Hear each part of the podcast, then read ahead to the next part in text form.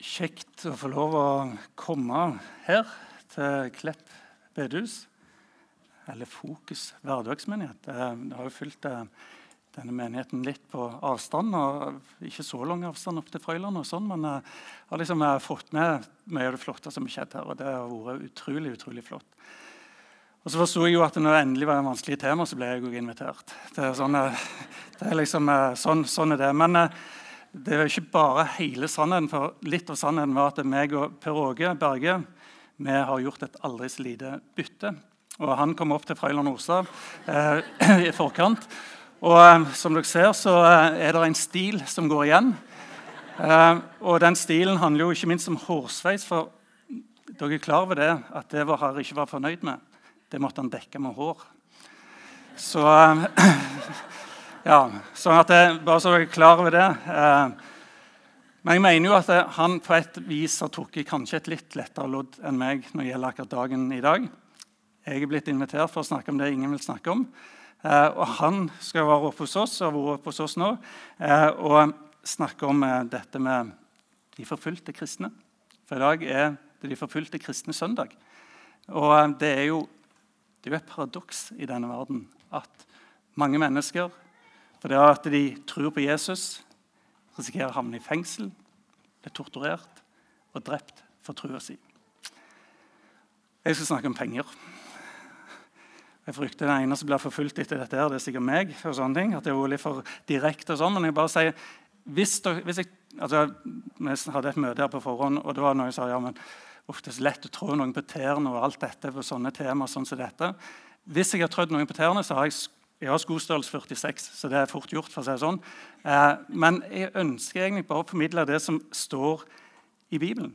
Og Det er litt det som er viktig for meg. Det er ikke mine, dette er ikke mine meninger. Og så kan det være det er noen her som ikke tror som på en måte syns dette med å komme inn i et bedehus eller kirke eller et sånt, og høre om penger at det ja, hva var det, hva var det jeg tenkte? Snakk om penger. Disse pengene de skal ha. Eh, det bare, bare fortsett å tenke. Det går helt greit. Og så kan vi se ut vinduet og sånn også, når jeg begynner å snakke for mye. Men det er noen utfordringer som allikevel treffer deg òg. Og da trenger ikke du tenke at du skal til bedehus eller kirke, eller sånt, men finn en eller annen organisasjon som betyr noe for noen andre. Eh, og tenk at de tingene som jeg snakker om, kanskje at du skal gjøre noe med den. Men jeg har lyst til å starte med en sann historie. Helt sann historie. Og Jeg har valgt å anonymisere denne historien for at jeg som prest har jo taushetsplikt. Um, så Jeg skal ikke avsløre for mye om hvem det gjaldt, men det ligger som viktig forvaltningsprinsipp i denne historien. Men For en del år siden så var jeg i USA. Og Der var jeg så heldig at jeg fikk lov til å reise med en pastor i en menighet. Denne menigheten har et navn som ligner på en bank. Fokus Bank. eh, som den pastoren er i. Menigheten har også et navn som ligner på ungdomsarbeidet vårt i Frøyland Nordstad. Eh, vi har et ungdomsarbeid som heter Fokus. Eh, men jeg skal ikke si hvilken menighet denne pastoren tilhørte. for det, det, altså Jeg skal ikke bryte taushetsplikten. Men han eh, driver et sånn golvleggerfirma. Og mange tenker nok at dette golvleggerfirmaet er en sånn underleverandør av denne Tveita-gjengen i Oslo. Alle tenkt på Det det er en sånn kriminell gjeng i Oslo. ikke sant? Jeg bare nevner at det kan være en link, eh, ja, og sånne ting, men det, dere vet jo ikke hvem det er, for dette er jo anonymt. Uansett, vi i USA. I, og denne pastoren, som vi ikke skal nevne navn på, han finner ut han trenger en ny bukse. Og i USA så har de jo det meste. Så han går på en sånn shoppingplass, han er jo litt shoppinggal, eh, og går inn i en butikk hvor de selger dieselbukser. Og dere som har peiling på mote, vet jo at diesel det er liksom ikke det dyreste, men det er ganske dyrt. Eh, men han var jo tross alt pastor, så, men det ligger et godt over kubus. for å si det sånn. Men til denne pastoren sin store store glede så kom han inn i denne butikken. og Så ser han denne buksa som kun koster 350 og Han opplevde at han skutt gullfuglen og vært økonomisk på én gang. Og det for han var økonomisk, det er ganske sjelden, for det er kona som tar seg av alt økonomien. sier han. Så han syntes det var så bra prøver buksa og finner ut at den passer akkurat som et trangt pølsekinn. og er Så fornøyd og vandrer glad fornøyd. Betaler buksa og går ut av butikken som verdens stolteste type. Vandrer lenger bortover og tenker 350, 350, 350. Og til hans store forskrekkelse så oppdager han de amerikanske pengene. Og de norske de er jo ikke like. Ikke sant? Så det viser seg at han hadde betalt 350 dollar for denne buksa. Det vil si 3500 kroner. Og når han oppdager dette, så blir han frista å gå inn igjen i butikken og så si I'm sorry, but I'm from Norway. and I thought that Norwegian prices and all. Men det syns han blir litt flaut, så han bare kommer tilbake til oss som er i huset. Og der er mange folk fra Den norske kirke. Vi er jo kjent for masse omsorg og gode sjelesorger og sånne ting. Og vi holder på å le oss i hjel. Selvfølgelig lå vi ikke si noe. og sånne ting. Det er derfor jeg har analysert den. Men etter en stund, da, eh, etter vi har kommet tilbake fra USA, så spør jeg hva, sa kona Vi kan kalle hun Haldis eller Vigdis eller noe sånt.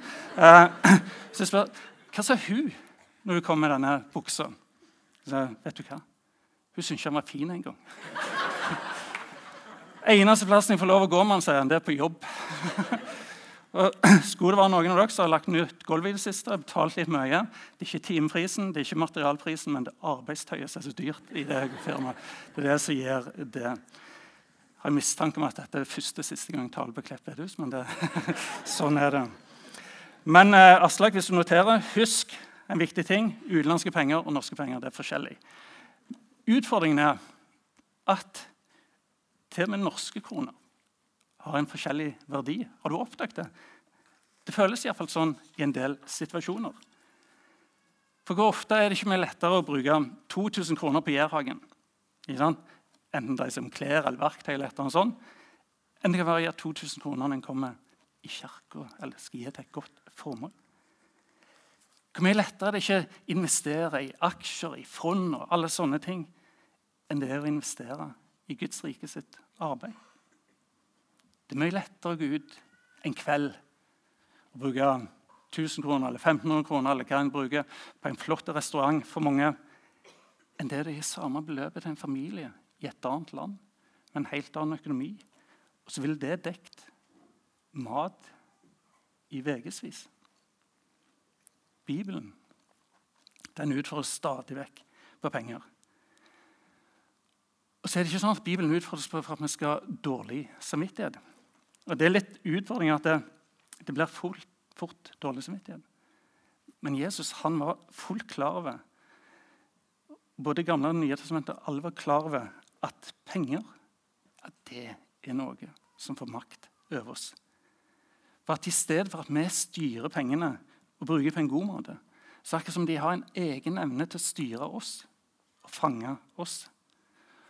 Og Hvis det var sant for 2000 år siden, 3000 år siden, i en verden som var så annerledes enn vår, ja, da tror jeg den faren er minst like stor her på Klepp i dag. Så Derfor skriver Paulus et brev i et brev til sin gode venn Timoteus. I avslutningen av dette brevet så skriver han 1. Timoteus 6,17.: Forman de som er rike i denne verden. Forman de som er rike i denne verden. Og Hvem er det Paulus formaner? Jo, de rike. Men hvem er de rike? Kjenner du noen rike? Jeg har bare lyst til å ta en test på dere som er her i dag. og vil ut spørsmål, dette, Det er ikke alle dette gjelder. Men først så har jeg lyst til å spørre hvem påstår, hvem vil her inne påstå at de har greie på fotball? Er det noen som mener de har greie på fotball? Opp med hånden alle dere som mener de har greie på fotball. Jeg vil bare si Kriteriet for, mene, for å si at du har greie på fotball, det er én bevisst kriterium, og det er at du heier på Manchester United. Så du kan bare ta ned hendene hvis ikke. Men alle dere heier på United, opp med hånd. Kan ikke dere reise dere? Ikke? Dette, dette er gjengen. Gi hverandre tommel opp, og så sier vi det som står på, kom på veggen nå. Glory, glory, Man United. Kan vi ikke si det sammen? Glory, glory, Man United. Fantastisk. Dere er mine helter. Det er så godt å ha dere her. Så kan en annen gruppe reise seg. Det regner med er større. For i dag er det farsdag. Er dere klar over det? Det er farsdag. Rett og slett så alle fedre kan ikke reise dere.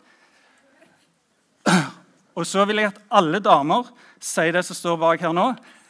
Takk Gud for mannen. Én, to, tre.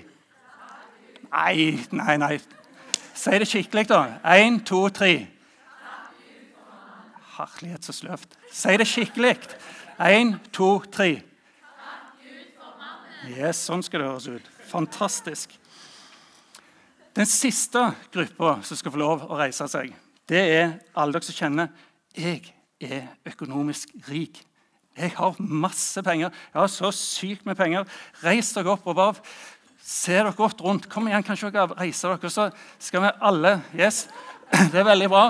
Og så, og så skal dere sammen med meg få lov til å si det som står bak her nå. Takk Gud for rikdommen. Ja, takk Gud for rikdommen. Godt det var noen som satt, eller reiste seg.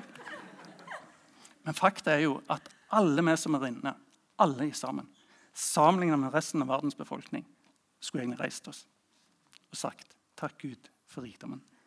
For store deler av verden ville elske og hatt de bekymringene som du har i forhold til økonomi, i forhold til rikdom. Jeg er sikker på at når vi sa gratulerer med farsdagen, gratulerer med United', og sånne ting, da, da kjente vi litt sånn. Men det er et eller annet med følelsen med penger som gjør at det, det er veldig få av oss som går rundt og føler oss rike. Og hvorfor er det sånn? Jo, for Rikdom det er sånn bevegelig mål. Det Det er det som er utfordringen med rikdommen. Og det er gjort undersøkelser som sier hvis du tjener 400 000 i året, og så spør du hva skulle til for at du virkelig kjente deg rik, da ville de sagt jo, hvis jeg har tjent 800 000. Det hadde vært fantastisk. Da hadde jeg kjent meg rik. Problemet er at jeg har gjort undersøkelser med folk som tjener 800 000. Når kjenner du deg rik? Jo, hvis jeg tjente 1,6 millioner. Det, da hadde jeg vært rik. Det, hadde, altså, det er målet i livet. Problemet er at er på 1,6 millioner osv. Og, og, og noen sier det, Jeg husker ikke hvor mange stort det beløpet er, men det er så avsindig stort, det beløpet. Hvor en dypere sett går og kjenner ja, nå føler jeg meg rik. Nå føler jeg meg skikkelig rik. For det punktet, hva tid du er rik, det er ikke en følelse. Det er noe vi bare innrømmer. Vi er rike. Vi er uendelig rike. Det er en bestemmelse som vi kan gjøre. Og Det handler om at vi skal begynne å si takk istedenfor å fokus på alt som vi ikke har. Ingen av oss kommer til å føle oss rike. tror jeg, med å se på at Det, det er alltid noen kan sammenligne med som har en større hytte, som har en større bil, som har flere båter. som har alt videre. Det er alltid noen som har enormt mye mer enn det du har. Men det ligger et evangelium i dette. At du kan få en frihet for å slippe å sammenligne med hvem som har enn deg, osv. Og, og, og heller prøve å takke. Takk for alt som Gud har gitt deg. Jeg pleier å si takknemlighet. Og det skal jeg innrømme, jeg har stjålet dette sitatet. Men takknemlighet, det er roten til alt godt. Takknemlighet er roten til alt godt. Hvis du fortsatt tenker ja, men jeg føler meg ikke så veldig rik, jeg føler meg ikke så veldig rik, så fortelles det om Bill Gates. Og Ingen av oss i nærheten av Bill Gates her. for å si det sånn. Eh, men han kom til en landsby i India. Ble invitert inn til ei dame som bor i ei.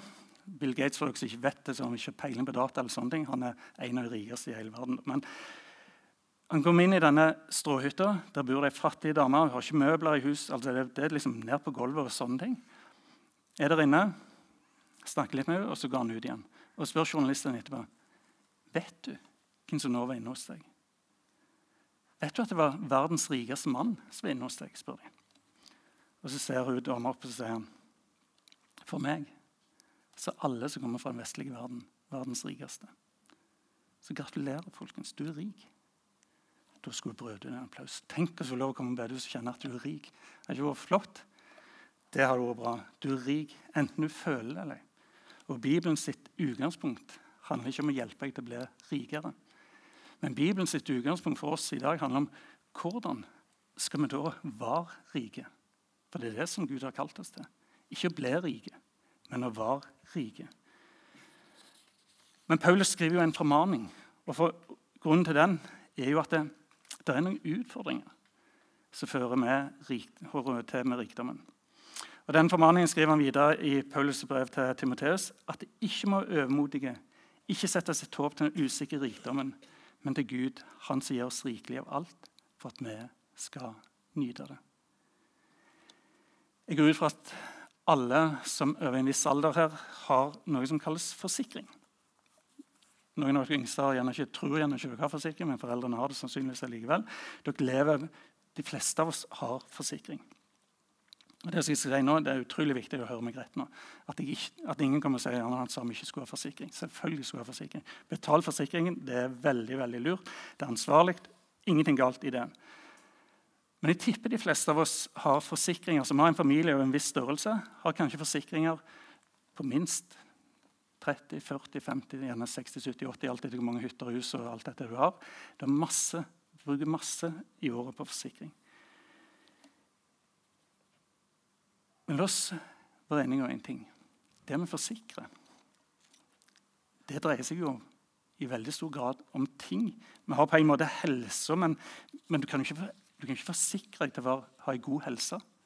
Du kan forsikre deg hvis det går galt, og sånne ting i forhold til en del ting, men du, du kan ikke forsikre deg mot det. Men det, det, meste dreier seg om ting. Og ingen av de tingene som vi bruker så mye kroner på, kommer til å ta med oss til himmelen. En rik mann, Rockefeller, han døde, og regnskapsføreren ble spurt hvor mye etterlot han seg. Og Regnskapsføreren så på han og så sa han, han etterlot seg alt. Han tok ingenting med seg. Det skal ikke vi heller gjøre. Vi kommer inn i denne verden uten noen ting. Vi skal forlate den uten noe. Og Bibelen ber oss om å ha det perspektivet på det at det, det er ingenting av det vi tar med oss. Vi kan ikke ta med oss noen ting.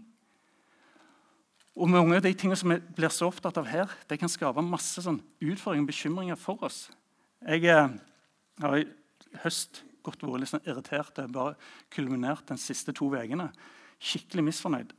Har noen opplevd noen gang å føle seg lurt etter å ha kjøpt en bil? Jeg har gjort det. Du har sikkert gjort det, du. Altså bilselgere. Det, nå er det noen bilselgere her.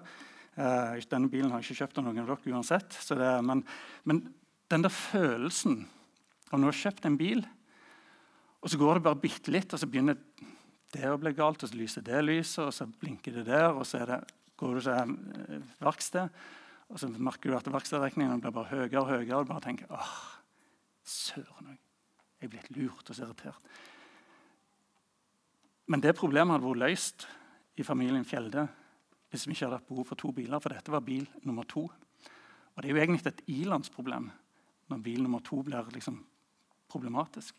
For det at Flestedelen av verden har jo mest ikke bil. Altså Mange har gjerne én bil. eller sånn. Men det er så mange ting med de tingene vi har, som skaper problemer for oss. Og det er sånne ilandsproblemer. Vi kan riste på hodet over at Norges rikeste må flytte til Sveits fordi det er så dyrt å bo i Norge. Altså, jeg klarer ikke forstå at det kan være dyrt å bo i Norge for en så mange milliarder, men det, det, er ikke alt jeg kan. for å si sånn. Eh, men vi har jo alle sånne ilandsproblemer vi strever med. Ødelagte mobil, f.eks. Tenk hvis du har mista mobilen din. Det har vært krevende. Tenk hvis det var dårlig dekning. Tenk hvis det ikke var 4G her når du gikk eh, fra her til hjemme. Du kunne ikke sjekke snappen på veien opp. Det hadde vært forferdelig.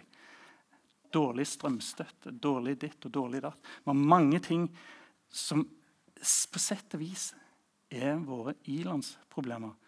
Og Det som jeg oppdager med mange av disse tingene, som jeg oppdager med bilen, plutselig, at det, det binder meg jo. Det holder meg jo Jeg føler ingen frihet med mange av de tingene der. Er det noe Bibelen ønsker å gi oss i møte med økonomi, så er det frihet. Frihet i møte med de materielle tingene. Og Derfor fortsetter Paulus på måten vi skal være eh, rike. Så sier han Invester masse i aksjer, bruk masse tid på deg sjøl. Det er jo ikke det som står sånn. Det han sier, dere skal gjøre godt. Være rike på gode gjerninger, være gavmilde og dele med andre. Sånn samler de seg en skatt som blir en god grunnvoll for framtida, som kan vinne det virkelige livet. Og Her skulle vi hatt mye tid, men en av de perspektivene som vi må være enige om, at uavhengig av hvor mye vi har, strengt tatt det er ingen av oss som har gjort oss 100 fortjent til det. Det var ikke din feil at du ble født i Norge. At du, du bidro ingenting for å bli født i Norge. for å si det sånn. Du bidro ingenting for å bli født inn i den familien. Du bidro ingenting for at du fikk akkurat den eh, gave, altså at du ble den personen som du ble. Det er ting du har finjustert på, men det har vært små finjusteringer. Men i store og hele så har du bidratt veldig lite. Det er Gud som har gitt alt til deg. Derfor er det så viktig å vite hvem en skal takke. Og alt dette, alt som du har, tenk deg at det er blitt levert til deg på et fat. med masse ting av Gud. Men Gud, han sier, bruk det. Som det sto tidligere, nyt det. Men det er én ting jeg ønsker, sier han. Og det er at du bare leverer tilbake til fatet. At du ikke beholder fatet og sånne ting.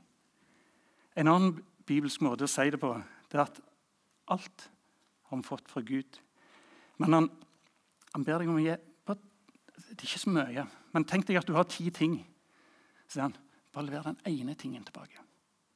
Selve fatet, det som dette bar på. For tiende begynner han å snakke om. Jeg snakker ikke så mye om givertjeneste, jeg snakker mer om tiende som et bibelsk prinsipp.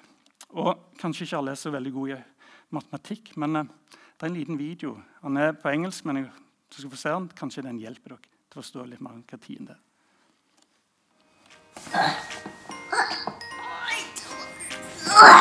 Today, we're going to talk about tithing. It's a simple topic that everyone should understand. Grown ups love money, but I'm only four. What the thing? So I'm going to teach you this lesson using donuts. They can be donuts or monies. Why don't they do donuts? I want to eat one bite of They're not my donuts. They're dog donuts. Since I have 10 donuts, I will want the first donut. Get the first, not the last. If you don't deal with the first donut, you might forget. The car payment, the pay for your house. But I have children like me, and I like toys. Before I take any bites, well, next time, I'm gonna give Dad my first donut.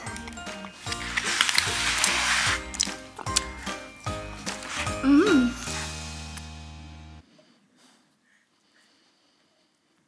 Ja, det er jo egentlig et enkelt prinsipp. Og så er det litt sånn som du Edvin sier, at uff, det er jo, men det er litt vanskelig å snakke om. Jeg, jeg syns faktisk ikke det er så veldig vanskelig å snakke om lenger. Jeg vet at mange strever med huslån, og der økonomiske nedgangstider, det ene og det andre. Eh, og jeg har full respekt for at det kan gjøre at det er vanskelig å høre om. Eh, men prinsippet som ligger bak, tror jeg er så mye viktigere, så mye større. For hvor ofte blir ikke vi mennesker fanga av en løgn? Altså Djevelen han har jo en hel reklameindustri som bare pøser på med, pøser på med ting som du ikke visste du trengte, men som du plutselig kjente ja, det trenger jeg. Det må jeg ha. Men jeg tror at Gud inviterer alle oss som er inne, til å være med på en mye større fortelling. En mye større historie. Kirkefaderen Augustin han sier at om synd at det er noe som gjør oss innkrøka i oss sjøl. Det er den tilstanden vi mennesker er født med. Og Er det noe som holder oss fast i den liksom innkrøka ting, denne bekymring, denne med greiene her, som på en måte nærer opp om både misunnelse, begjær og grådighet, ja, da tror jeg det i veldig stor grad er penger og materialisme. Og kanskje det fins bare én måte å bryte det på. Bibelen sier det handler om å gi å gi slipp på. Ikke holde fast, men slippe taket i. Og Bibelen løfter fram tiende og giverkjent som et evangelium. Ikke som et krav. Ikke som du må gi tiende. Men det er et evangelium, det er frihet på noe, et tilbud om frihet til deg. Samtidig så er han og Jesus kjempetydelig på at det, dette jaget etter stadig mer at det kan også være en rask vei vekk fra trua, fra Gud. Jesus advarer om det til stadighet. Jeg skal ikke gå gjennom det, men Leser du evangeliene, så ser du hvor ofte Jesus snakker om penger. Jeg har sagt i mange sammenhenger, og det mener jeg faktisk fullt alvor, at for meg som prest så er det mye lettere å snakke om tiende og forsvare at vi skal gi tiende, enn å forsvare dette med homofilt, homofilt samliv og sånne ting. Bibelen snakker enormt mye mer om vår forvaltning. Bibelen snakker om forvaltning av ressursene så mye mer enn seksualiteten. Ikke fordi jeg ikke står på et tradisjonelt syn i den saken, men, men det gjør noe med at jeg ser at det, vi som kirke som kristne vi har jo en svær bjelke i øynene. Når vi ikke klarer å forvalte, altså som er verdens rikeste land helst, ikke klarer å forvalte etter det prinsippet som Gud har lagt ned som et evangelium for oss. Og Det må jo handle om at det, ja, Stoler vi uansett nok på at Gud har kontrollen? da? Eller tenker vi at vi har kontrollen? Derfor sier Gud i den siste boka i Gamle testamentet, boka Malakai, Kom med hele tiden til forrådskammeret, så fins mat i mitt hus. Prøv meg på den måten, sier Herren over herskerne. Og sier han, Jeg skal sannelig åpne himmelens sluser og øse utover dere velsignelse uten mål.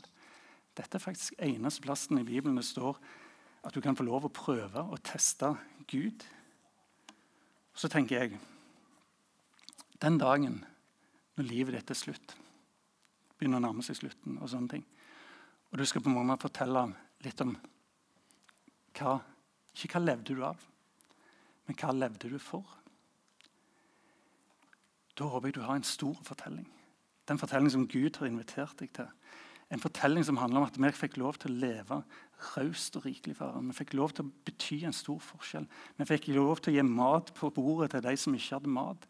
Vi fikk lov til å være med og bygge et hus og bygge en menighet og være med på at Guds rike. Vi fikk lov til å være med og bygge de evige verdier. Det er den fortellingen som Gud inviterer deg på. Og tenk å få lov til å dø på den fortellingen. Og dø med den fortellingen. Ikke til å dø med fortellingen på at det, for det er ingen, tror jeg altså Jeg tipper iallfall ikke det. At det er noen som dør og tenker å fillen, jeg skulle hatt ei hytte til. Eller skulle hatt den Tesla X-en, ikke den trien eller et eller annet sånt. Jeg så det sto noen Tesla ut forbi. Ja, det er lov av Tesla. Det er helt, helt greit. Men det er noe med hva fortelling ønsker du å fortelle om livet ditt når alt kommer til alt. Jeg tror hva om dette var din fortelling, det som Paulus sier? At du gjorde godt. Du var rik på gode gjerninger. Ja, du var gavmild, og du delte med andre. Ja, du samla deg en stor, stor og god grunnvoll for framtida. Ja, du var med og vant det virkelige livet. Å gi handler om å bli invitert til det livet der. Det handler om å bryte alle de tingene som binder en sjøl fast og si Nei, jeg ønsker å leve det livet her. Jeg ønsker tro på Gud og leve det livet. Så la oss be. Jesus, hjelp oss til å se de bånd som binder. Gode Hellige Ånd, jeg bare ber om at du rører med de båndene som binder nå, og bryter våre lenker. Så jeg har lyst til å be for hver enkelt som er her, og spesielt de som kjenner at det, det havner i en situasjon hvor økonomien er blitt krevende. Lån og andre ting har blitt for vanskelig. Jeg har bare lyst Jesus, til å be om at du viser en god vei. En vei ut av de bindingene som økonomiske problemer skaper. En vei i frihet. Jeg bare ber her om at du bryter alle våre lenker som holder oss fast i materialisme, og hjelper oss å leve i frihet for deg. Amen.